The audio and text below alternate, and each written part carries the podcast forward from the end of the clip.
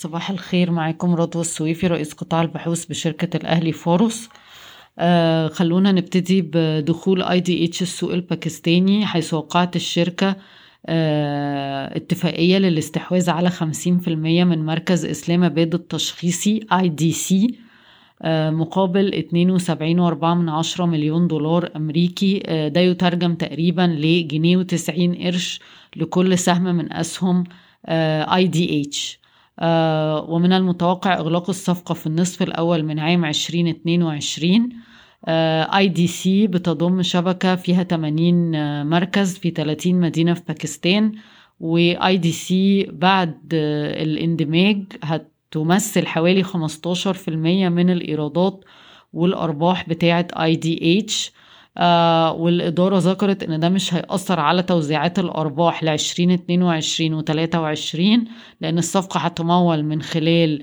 آه قروض وفي أربع سنين grace period قبل بداية آه دفع الفوائد.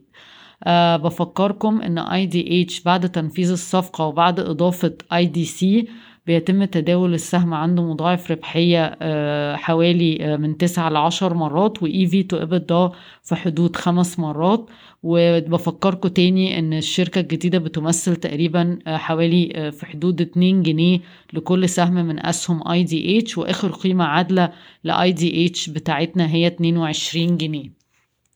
الشركة الشرقية للدخان أعلنت عن وقف مؤقت في مصنع اسكندرية بسبب تراكم المخزون والمصنع بيمثل 3 ل 5% من إجمالي حجم الإنتاج ولكن سيستمر صرف مرتبات العاملين بشكل طبيعي لحين اتخاذ القرار بعودة الإنتاج.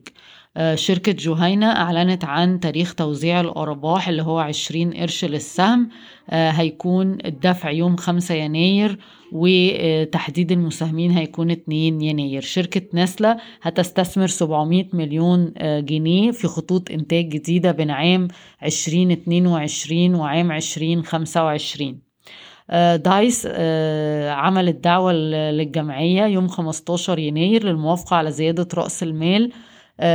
بمبلغ 265 مليون جنيه ليصل إلى 371 مليون جنيه. شركة الصعيد العامة للمقاولات أعلنت عن مشروع جديد أسند إليها واحد وأربعة من عشرة مليار جنيه. سيتم تنفيذه على 18 شهر ولم يذكروا نوع المشروع. شركة إيميا باور وهي شركة إماراتي بتبص في تنفيذ مشروعات تحلية المياه باستخدام طاقة متجددة في مصر بالتعاون مع شركاء أسيويين. شركة مصر الجديدة توقع تامر ناصر الرئيس التنفيذي للشركة أن يتم منح عقد تطوير مشترك لهيليو بارك في خلال عشر أيام.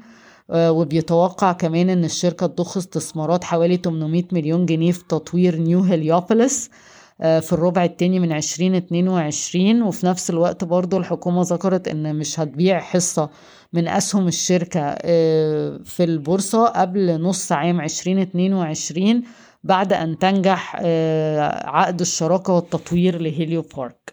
مصرية للاتصالات وقعت عقد مع غرفة الضيافة والسياحة في مصر لرفع كفاءة البنية التحتية للاتصالات في كل الفنادق والقرى السياحية في مصر.